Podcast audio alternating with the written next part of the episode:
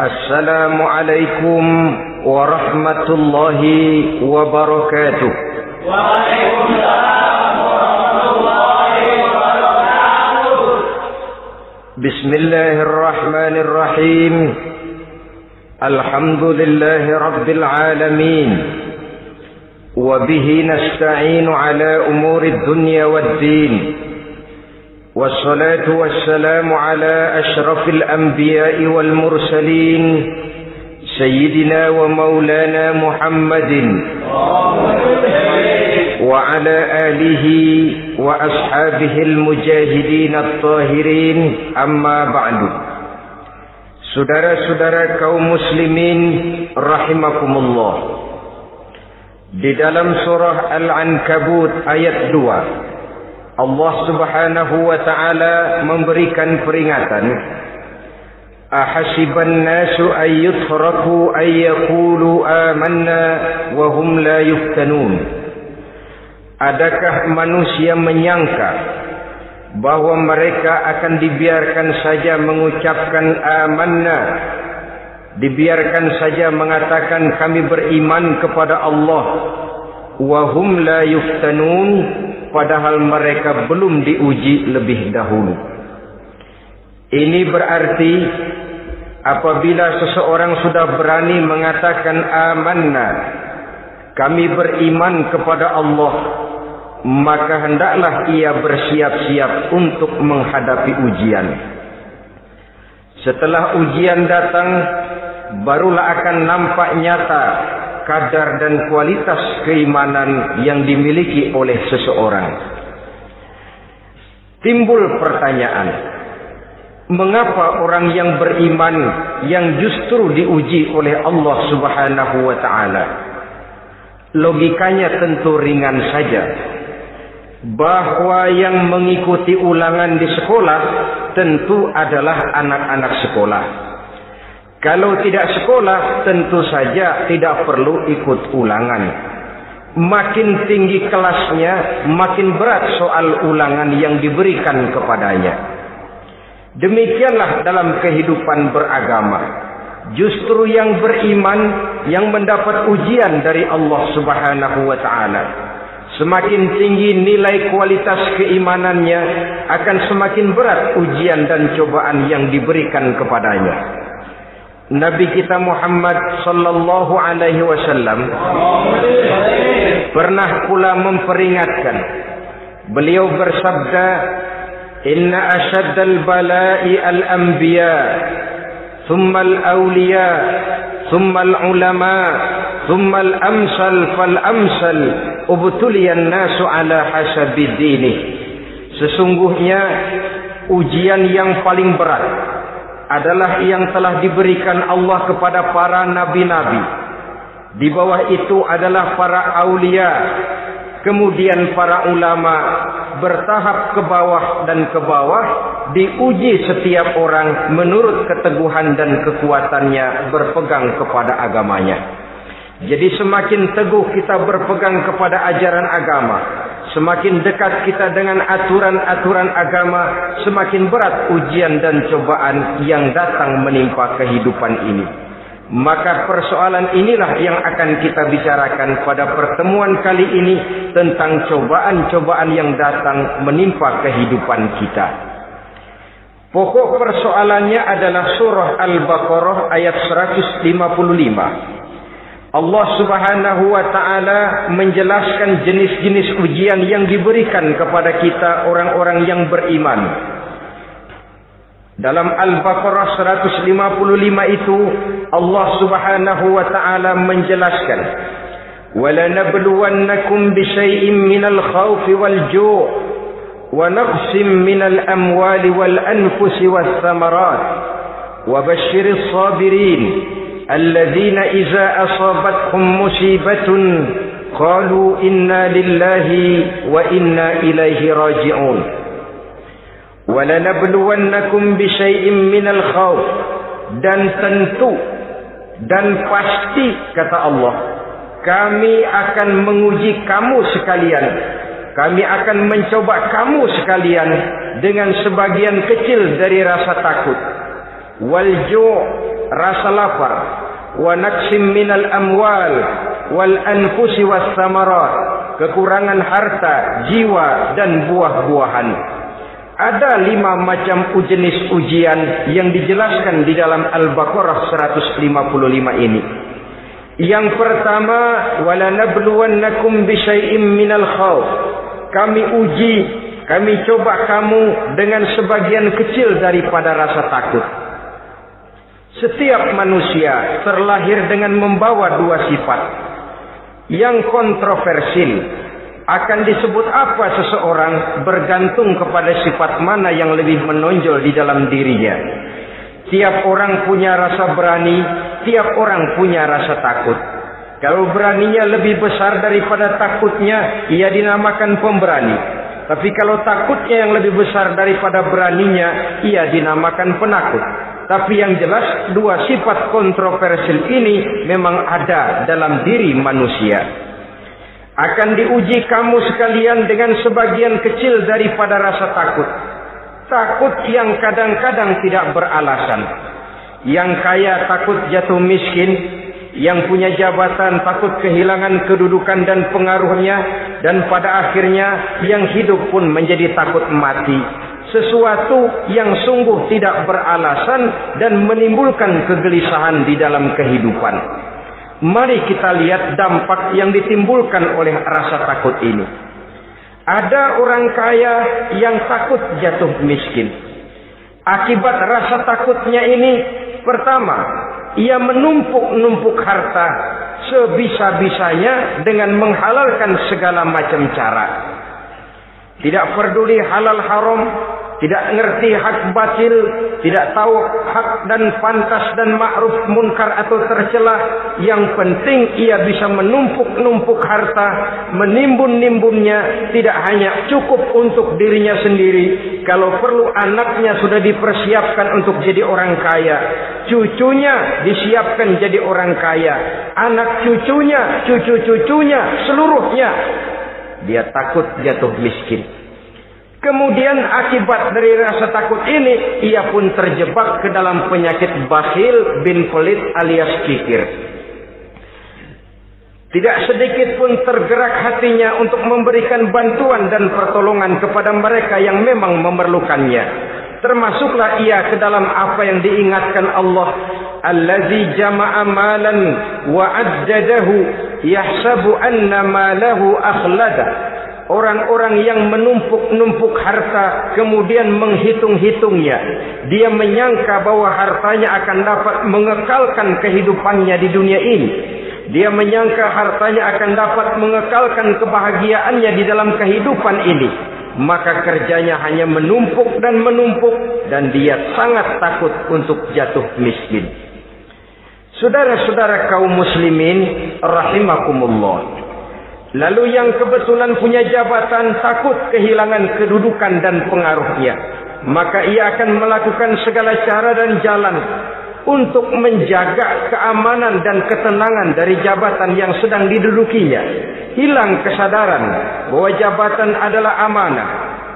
Hilang pengertian bahwa kedudukan adalah alat untuk berbuat baik dan mengabdi kepada sesamanya yang ada pikirannya hanyalah bagaimana menjaga kedudukan dan pengaruhnya agar tetap ada dalam dirinya.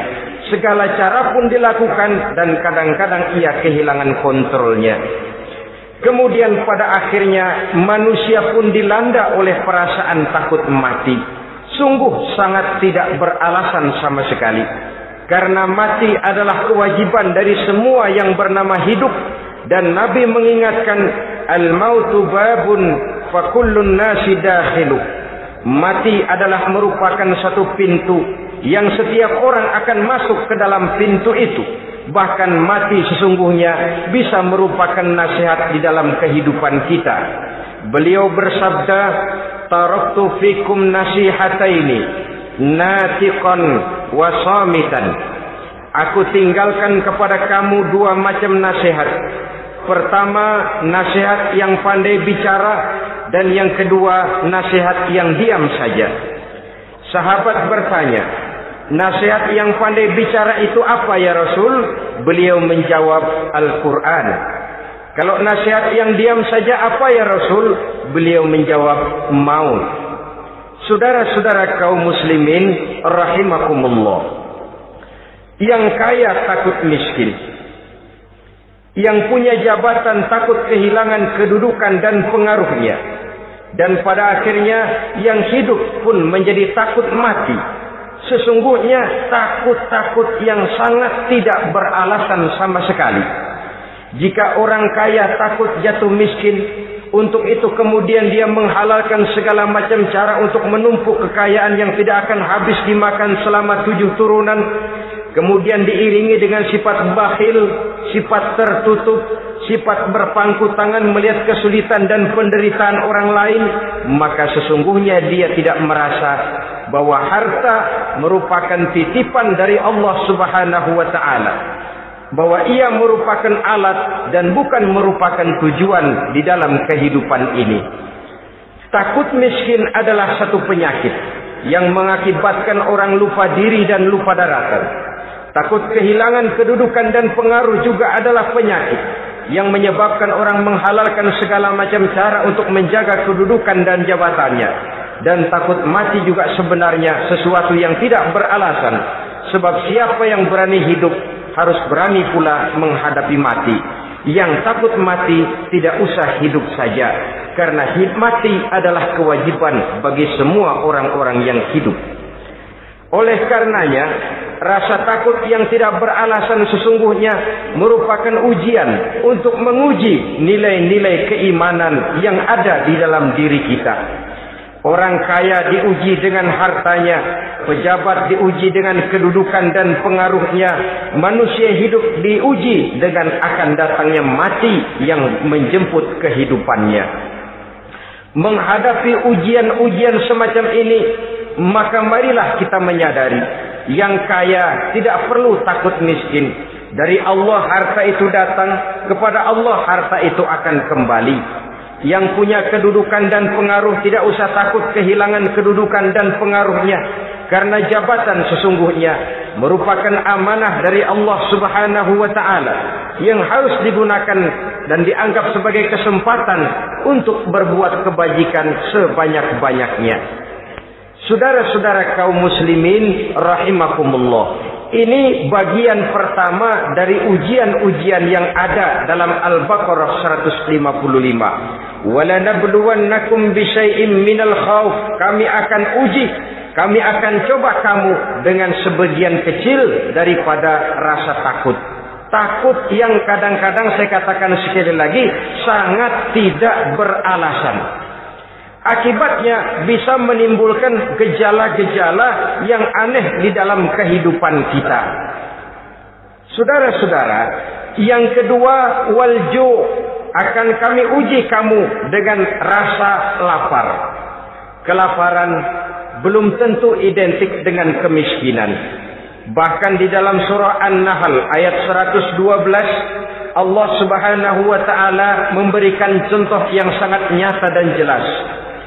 وضرب الله مثلا قرية كانت آمنة مطمئنة يأتيها رزقها رغدا من كل مكان فكفرت بأنعم الله وأزاكها الله لباس الجوع والخوف بما كانوا يصنعون Allah memberikan contoh bagaimana keadaan satu negeri yang makmur, aman, tenang, tentram rezekinya datang dari segala arah.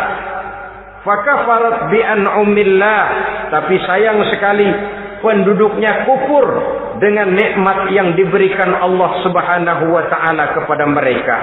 Akibatnya fa azaqahallahu libasal ju'i wal khauf.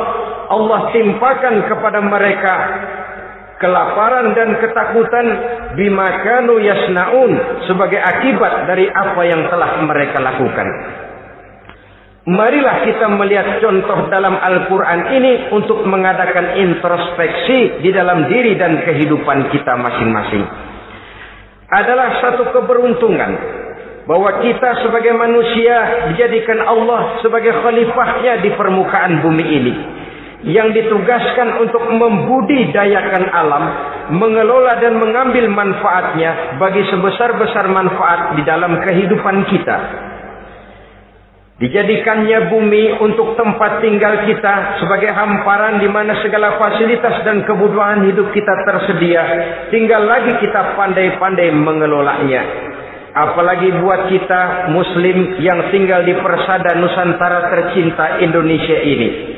Satu negara yang orang katakan untayan jamrut katulistiwa yang hijau ranau subur makmur melahirkan slogan dengan kata gemah rifah loh jenawi toto tentrem kertora harjo.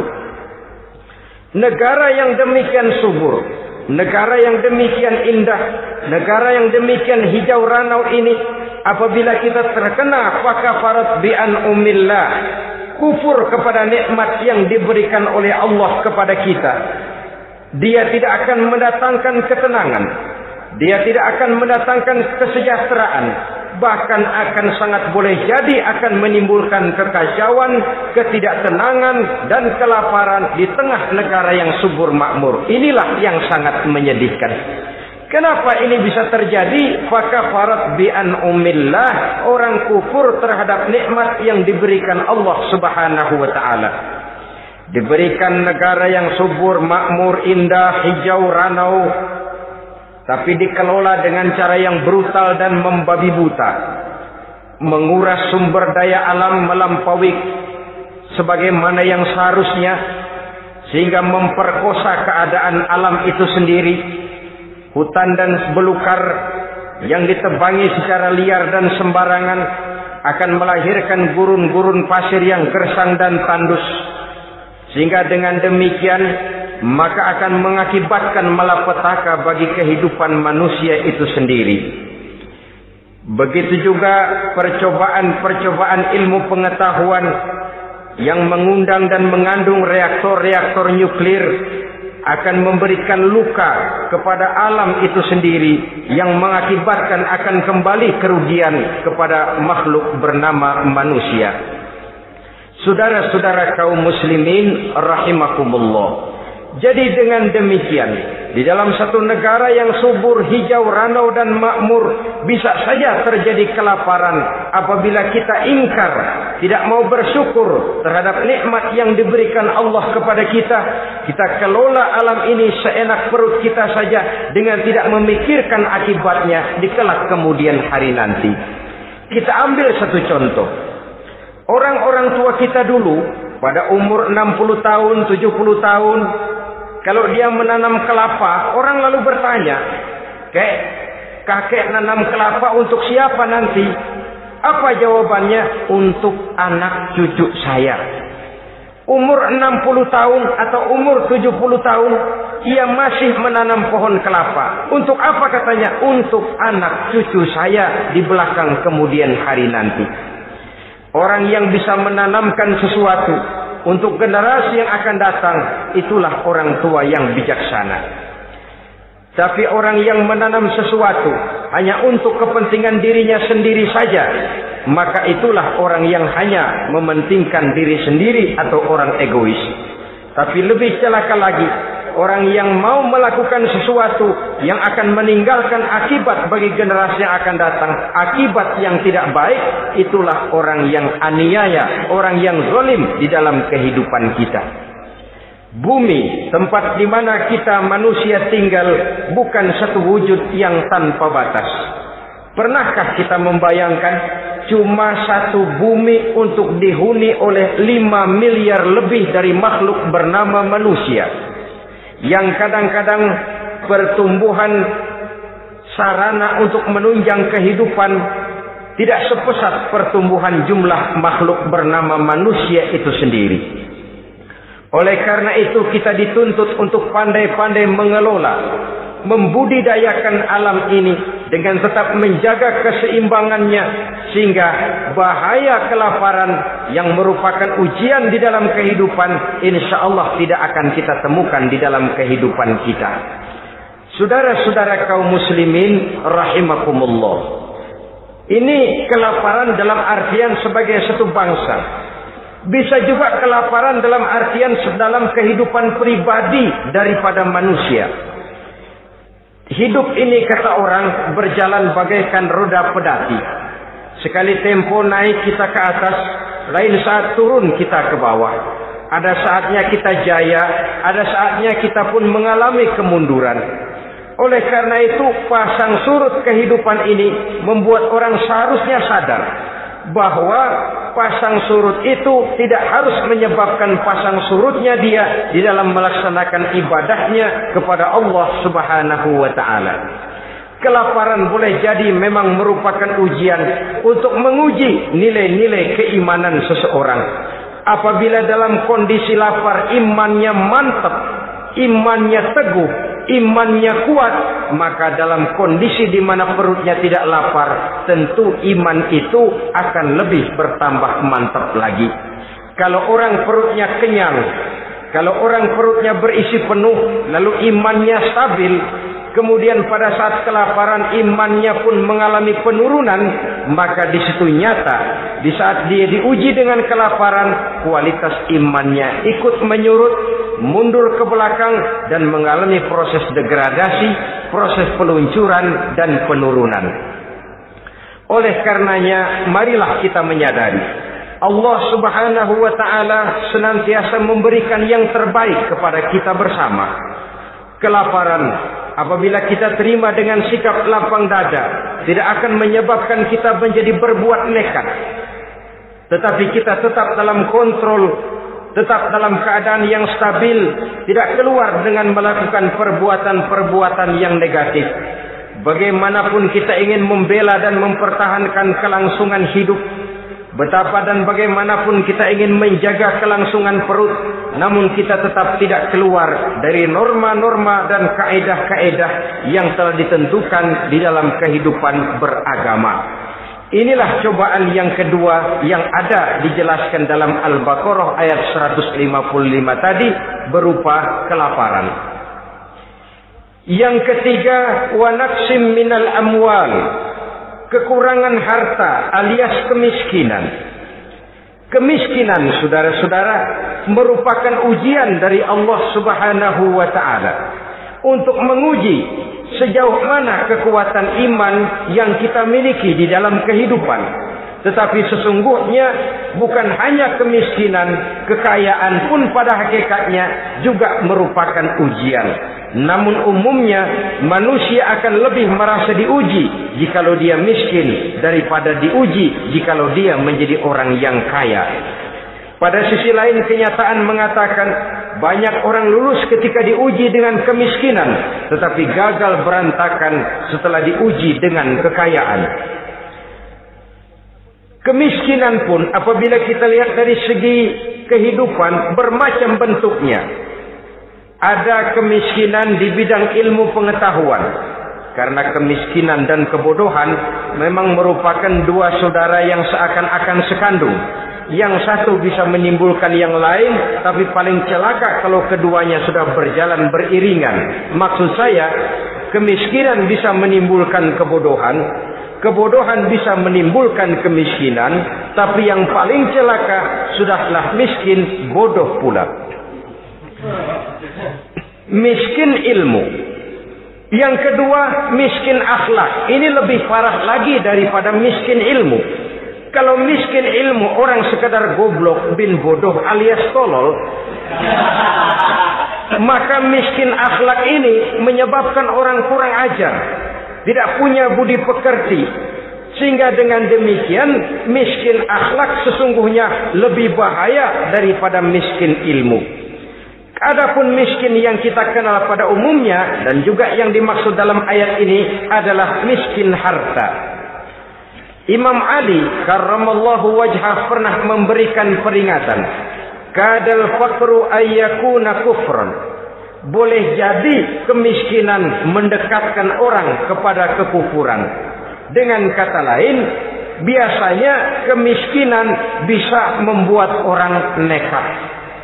Kalau sudah nekat, maka bukan cuma harga diri yang terjual, bukan cuma keluarga yang terjual, bukan cuma nilai-nilai materi yang dimilikinya yang terjual, bahkan iman dan keyakinannya. akidah dan pandangan hidupnya pun tidak akan segan-segan digadaikannya, dijualnya untuk mengatasi kemis kelaparan dan kemiskinan itu tadi. Padahal selalu diingatkan pandangan dan keyakinan iman sesungguhnya merupakan intan paling mahal, sesungguhnya merupakan mutiara paling berharga di dalam kehidupan kita. Maka kemiskinan memang merupakan ujian. Banyak orang yang kebal berhadapan dengan segala macam cobaan. Tapi pada saat diuji dengan kemiskinan, ia tidak tahan diri. Ia tidak sanggup menjaga dan mempertahankan akidahnya. Maka akidah yang cuma satu-satunya pun ikut terjual juga adanya.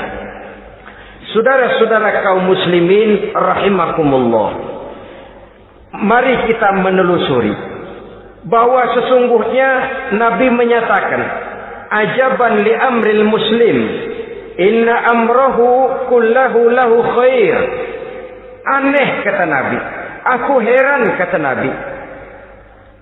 Urusan orang Islam ini sesungguhnya semuanya baik. Baik bagaimana? Kalau dia kaya dia bersyukur. Dan itu baik. Kalau dia miskin, dia bersabar, itu juga baik. Jadi kaya bagi orang Islam baik, miskin bagi orang Islam juga baik. Kalau dia kaya dia kan bisa berkata, Alhamdulillah saya kaya, mudah-mudahan harta ini bisa menunjang ibadah saya kepada Allah Subhanahu wa taala. Baik. Kalau dia miskin dia juga berkata, Alhamdulillah saya miskin, Mudah-mudahan di akhirat nanti pemeriksaannya tidak lama-lama seperti orang kaya. Ya, ya kalau melarat yang mau diperiksa apaan? Memang nggak punya apa-apa. Yang kaya boleh jadi pemeriksaannya rada surat banyak sikutannya. Saudara-saudara kaum muslimin, dua persoalan ini baik kalau kita tidak salah terima. Mana yang lebih baik? Tentu yang lebih baik menjadi orang kaya yang bersyukur. Dan itu memang wajar. Kaya, syukur. Miskin, sabar. Yang luar biasa kalau mau tahu, miskin, syukur. Kalau kaya, syukur memang mestinya. Miskin, sabar. Ya mestinya lah. Miskin kagak sabar mau ke mana? Tapi yang luar biasa sesungguhnya miskin syukur. Syukur bagaimana? Ya seperti saya katakan tadi. Alhamdulillah mudah-mudahan di akhirat nanti pemeriksaannya tidak lama seperti orang yang kaya. Sehingga kata Nabi, setiap persoalan yang dihadapi umat Islam baik bagi dia. Miskin baik, kaya baik. Asal orang tidak salah terima. Tapi sebaliknya, kalau salah terima, kaya lupa diri, miskin, lupa daratan. Pada posisi di mana dia sebenarnya tidak bisa menerima kenyataan dengan baik, akhirnya kehilangan kontrol. Saudara-saudara kaum muslimin rahimakumullah. Karena itu pada pertemuan kali ini saya ingin mengajak kita bersama. Marilah kita menyadari Betapapun kemiskinan yang datang menimpa, seluruhnya merupakan ujian yang datang dari Allah untuk menguji nilai-nilai keimanan kita.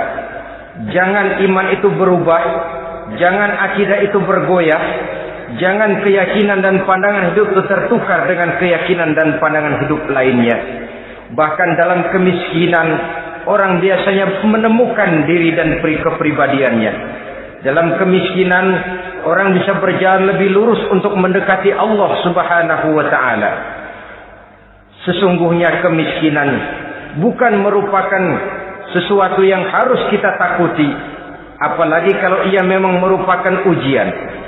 Kemiskinan yang merupakan ujian adalah kemiskinan yang akan berakhir dengan kebaikan.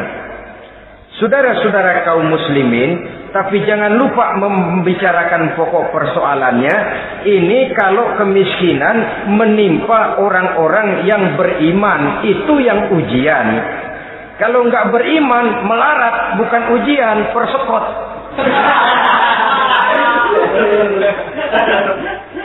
Nah orang lalu bertanya, Pak kalau orang kafir kaya bagaimana? Nah begini saudara-saudara. Dalam agama itu ada yang disebut nikmat, ada yang disebut istidraj.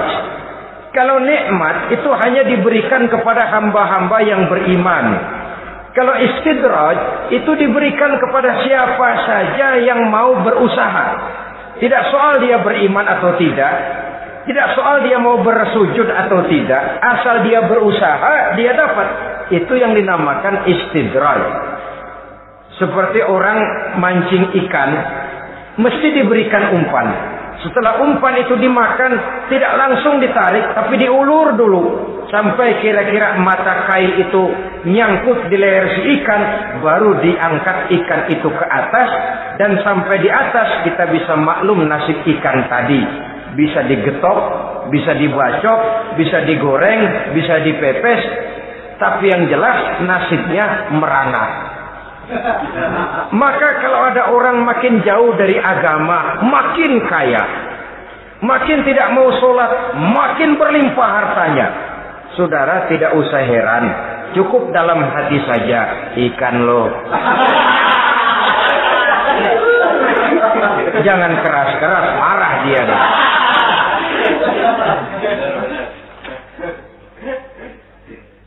Kemiskinan apabila didasari dengan sikap keimanan merupakan ujian untuk menguji kualitas keimanan seseorang.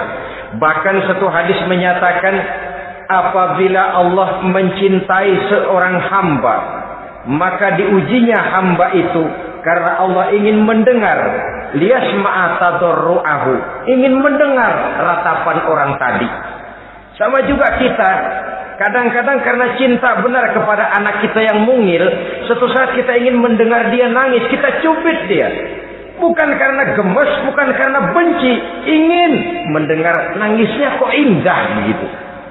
Saudara-saudara kaum muslimin rahimakumullah. Jadi jangan sampai ada pertanyaan, saya kan sembahyang rajin banget kenapa miskin ya?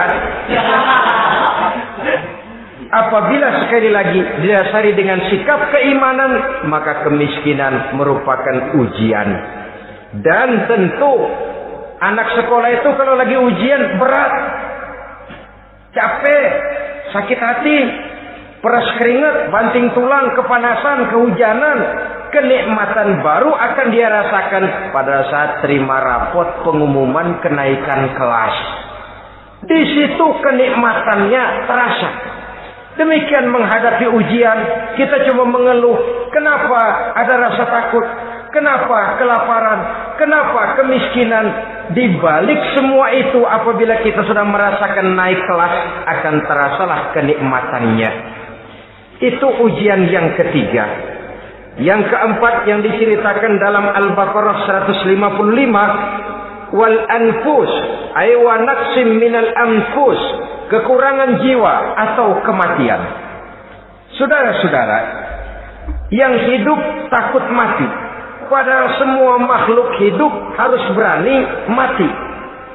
Bagaimanapun takutnya kita kepada mati, bisakah kita menghindarkan diri dari dia? Bagaimanapun kita tidak ingin bertemu malaikat maut, ke mana kita akan lari bila dia datang mengetuk pintu? Bagaimanapun kita ingin menghindar dari pertemuan dengannya, ke mana kita akan lari apabila dia, dia sudah datang hendak menjemput nyawa. Karena itu memang ada satu prinsip yang dijelaskan oleh para ulama kita, iskariman au syahidan. Mati dan hidup dua hal yang tidak terpisahkan. Oleh karenanya, kalau memang hidup hiduplah secara mulia, kalau mati, matilah secara syahid. Hidup mulia atau mati syahid. Jangan terbalik. Hidup sia-sia, mati konyol. Nilai yang tidak ada artinya. Alangkah nikmatnya hidup yang berisi kemuliaan dan alangkah indahnya mati dalam nilai syahid. Saya ingin menyegarkan ingatan saudara-saudara kepada sikap Nabi Allah Ismail alaihi salam ketika menghadapi keputusan dari Allah Subhanahu wa taala memerintahkan Nabi Ibrahim alaihi salam untuk menyembelih leher anaknya Ismail yang ini berarti adalah kematian. Ketika datang perintah untuk menyembelih leher Nabi Ismail, Nabi Ibrahim berkata kepada putranya, "Ya bunayya inni ara fil manami anni azbahuka Fanzur maza taro. Ananda Ismail, ayah mimpi diperintah oleh Allah untuk menyembelih lehermu. Menurut pendapatmu bagaimana mimpi ini nak? Laksanakan atau tidak usah? Saya tidak sanggup membayangkan. Anak cuma satu-satunya. Sudah lama diharapkan. Si buah hati belahan jantung pelanjut cerita penerus sejarah Ketika anak ini sedang lucu-lucunya, turun perintah untuk menyembelihnya. Ya, kalau anak kita banyak, turun perintah potong leher anakmu, mungkin kita bisa pilih yang mana yang rada bandelan nih.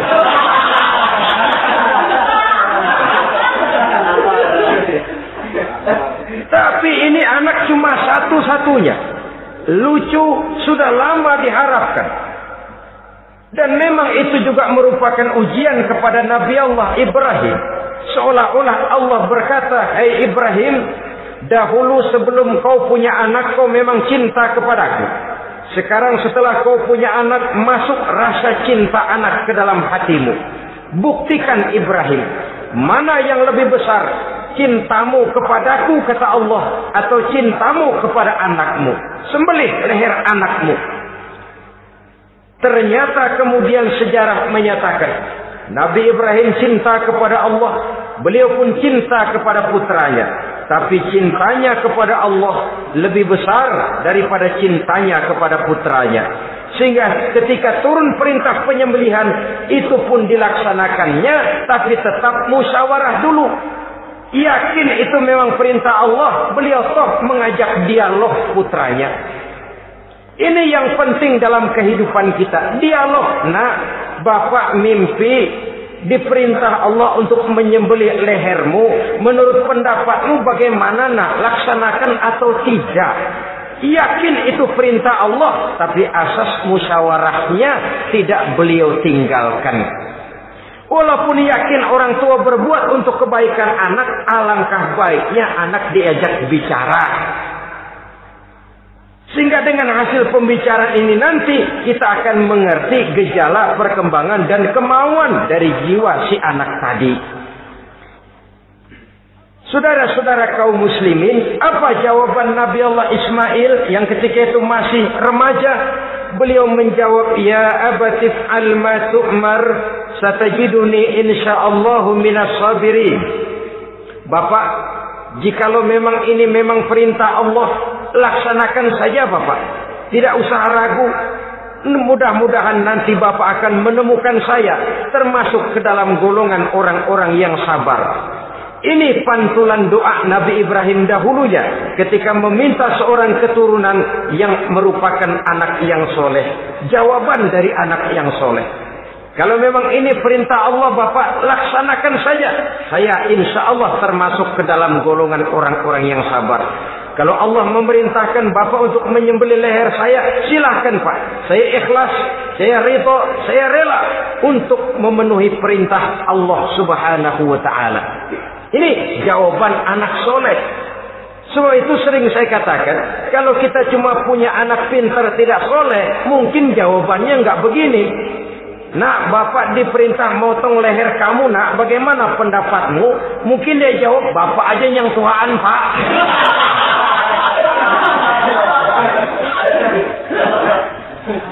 Saudara-saudara kaum muslimin rahimakumullah.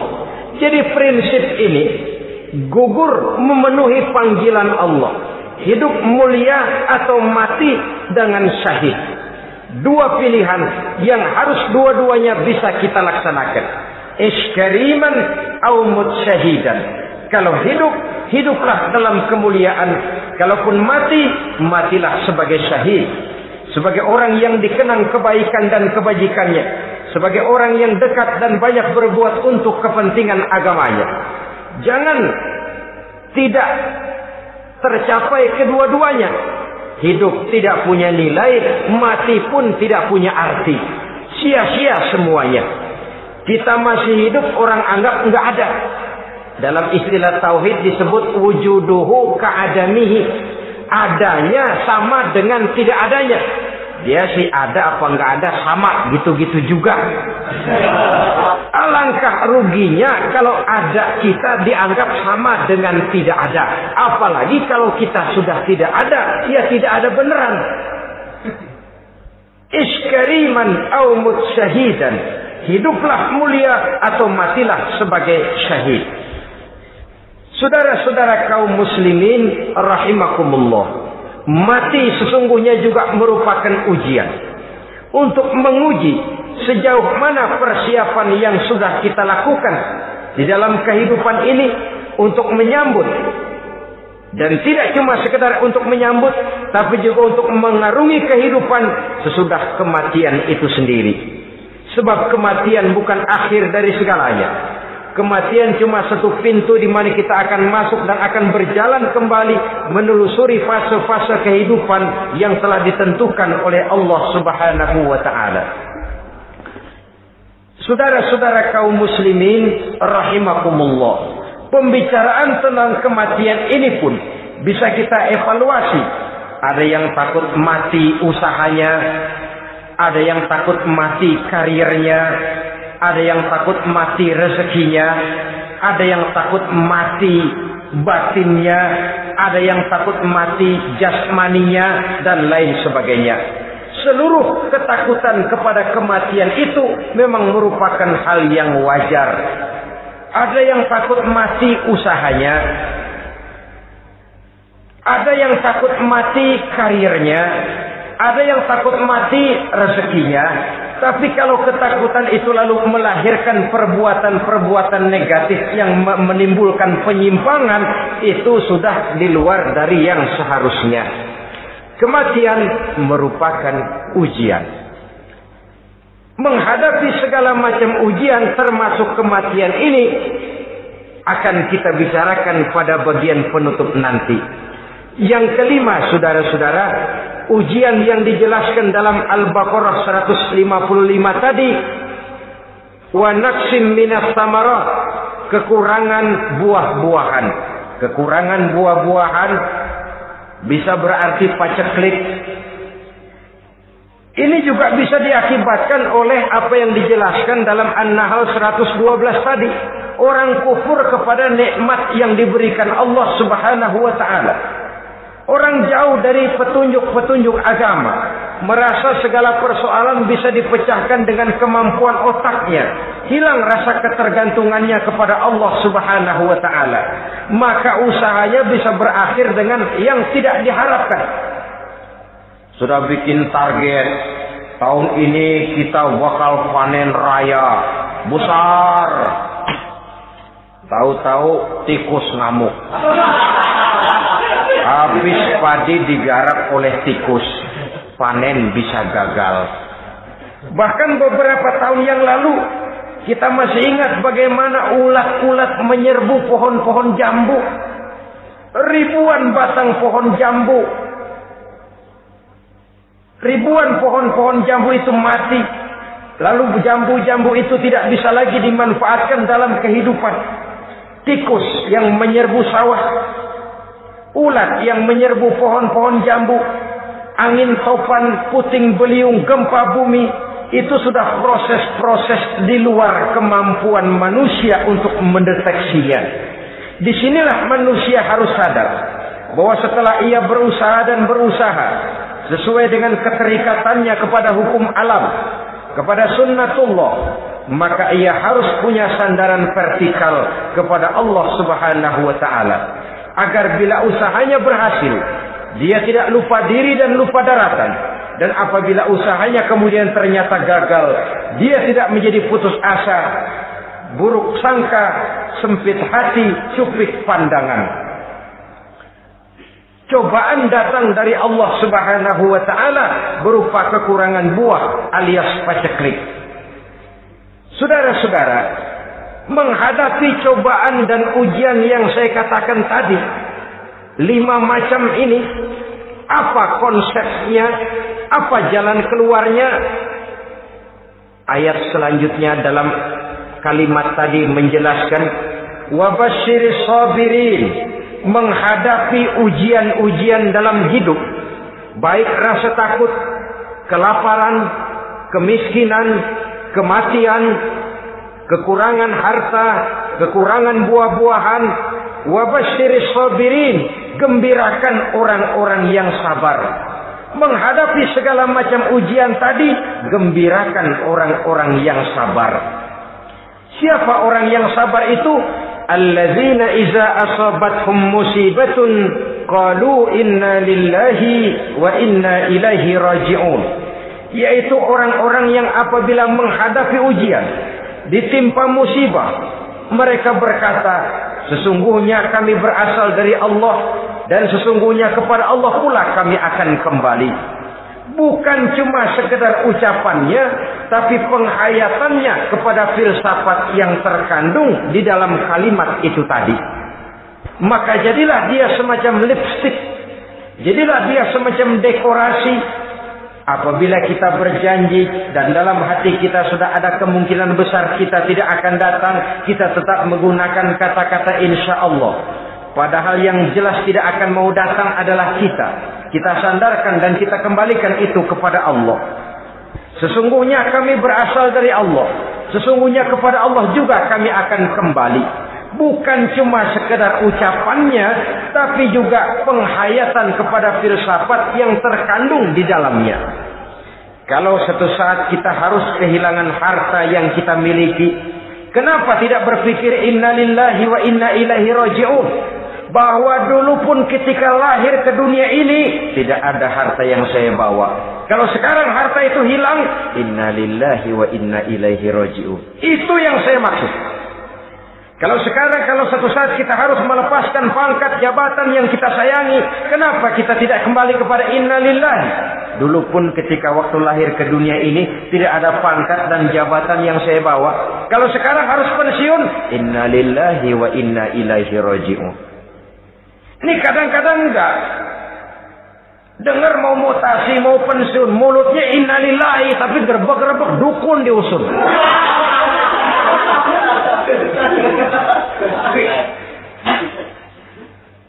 Keluarganya meninggal, mulutnya innalillahi, tapi nangisnya tetap nggak mau berhenti. Bukan cuma sekedar ucapannya, tetapi penghayatan kepada nilai dan filsafat yang terkandung di dalam kalimat innalillahi itu. Sesungguhnya segalanya saja berasal dari Allah. Segalanya saja akan kembali kepada Allah Subhanahu wa taala. Kalau ini yang kita jadikan landasan, maka sesungguhnya menghadapi berbagai ujian ini kita tidak akan salah singkap, tidak akan salah tingkah, tidak akan salah sikap.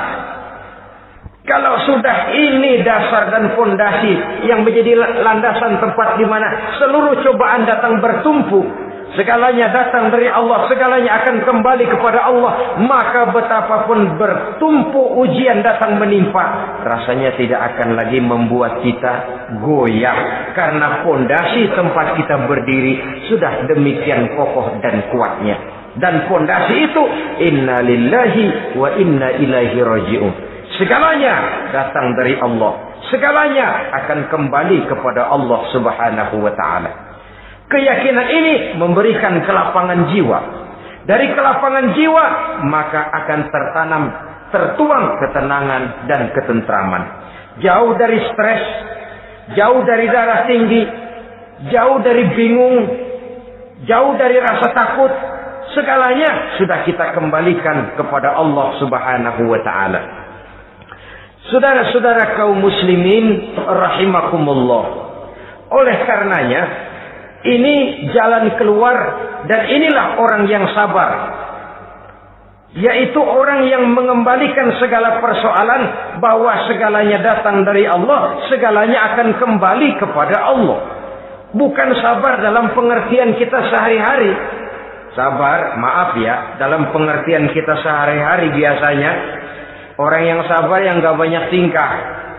Diam Nggak salah apa-apa kepala yang dikelepak. Diam aja. Ente nggak salah apa-apa dikelepak diem ya. Gua lagi sabar. Gua lagi sabar diem-diem loh. Rasanya ini sih kalau sabar macam ini yang kita punya boleh jadi boleh jadi kita akan tertindas terus. Sebab itu pada penghujung surah Al-Asr Allah menggandengkan antara tawasau bil haq dengan tawasau bis sabr. Kebenaran dan kesabaran dua hal yang memang tidak boleh terpisahkan satu dengan yang lain.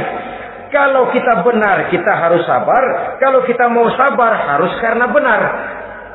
Apabila kebenaran satu prinsip, maka kesabaran adalah satu strategi. Prinsip yang tanpa strategi bisa membuat kita tidak akan mencapai tujuan yang kita harapkan. Artinya, kebenaran tanpa kesabaran membuat kita mudah dipatahkan orang, tapi kesabaran tanpa kebenaran akan membuat kita diinjak terus oleh orang lain. Karena itu, kalau yakin kita benar, harus sabar. Kalau mau bersabar, harus karena benar. Dalam hal ini, sifat sabar yang dicontohkan oleh Rasulullah Shallallahu Alaihi Wasallam sungguh memang merupakan jadi panutan.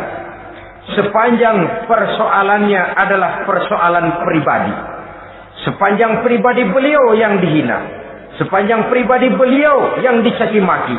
Beliau biasanya bisa mengendalikan diri. Tapi kalau sudah agama masalahnya, maka beliau pun tidak segan-segan mencabut pedang maju ke medan perang. Bukan untuk mem memaksakan agama dan keyakinan. Karena agama dan keyakinan memang tidak bisa dipaksakan. Tapi untuk menjaga, membela dan mempertahankan agama dari hinaan, cemoohan dan caci maki orang lain. Yang kita lakukan sebaliknya.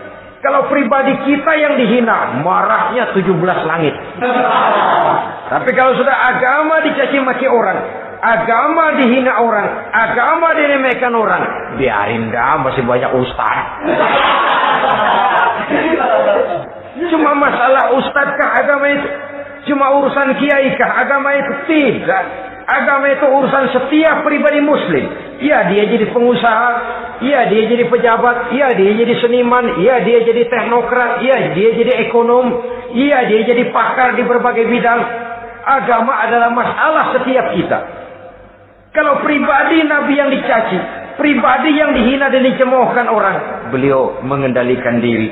Tapi kalau sudah agama taruhannya, beliau tidak segan-segan cabut pedang maju ke medan perang. Sabar tapi pada tempatnya. Sabar tidak dalam artian diam, ndelohom, ayem-ayem, gelenggem, menunggu embun yang turun dari langit. Ah, emang lagi lapar sabar aja. Nggak usah makan, nanti juga waktunya Tuhan kasih kenyang-kenyang. Kalau sabar macam ini yang kita pakai, lapar terus dah. Emang giliran sakit sabar aja. Nggak usah berobat, nanti juga waktunya baik, sembuh. Mati terus dah.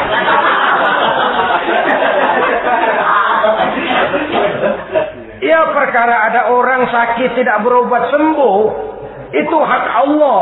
Tapi tidak boleh kita jadikan sandaran apalagi kalau makom kita dengan Allah masih sedemikian jauhnya. Itu hanya ucapan dari orang-orang yang makom dia dengan Allah itu sudah tidak ada jarak. Permohonnya dipenuhi, kehendaknya dituruti sebab dia dengan Allah sudah sedemikian dekatnya. Kalau kita, kita masalahnya yang antara kita dengan Allah ini dilapisi oleh dosa dan kesalahan yang kita kerjakan sendiri. Rasanya kita masih harus banyak berbuat sesuai dengan keterikatan kita kepada sunnatullah itu. Orang yang sabar adalah orang yang sadar kepada hakikat dan filsafat yang terkandung di dalam kalimat inna lillah wa inna ilaihi raji'un. Segalanya datang dari Allah, segalanya pun akan kembali kepada Allah. Harta yang hilang tidak membuat kita gundah, pangkat yang harus kita tanggalkan tidak membuat kita kecil hati dan tidak akan meninggalkan medan pengabdian. Kenapa? Kita cuma menganggap itu satu titipan. Lain kalau kita anggap itu punya kita. Jabatan punya kita. Nah, itu yang kita suka uangkeng.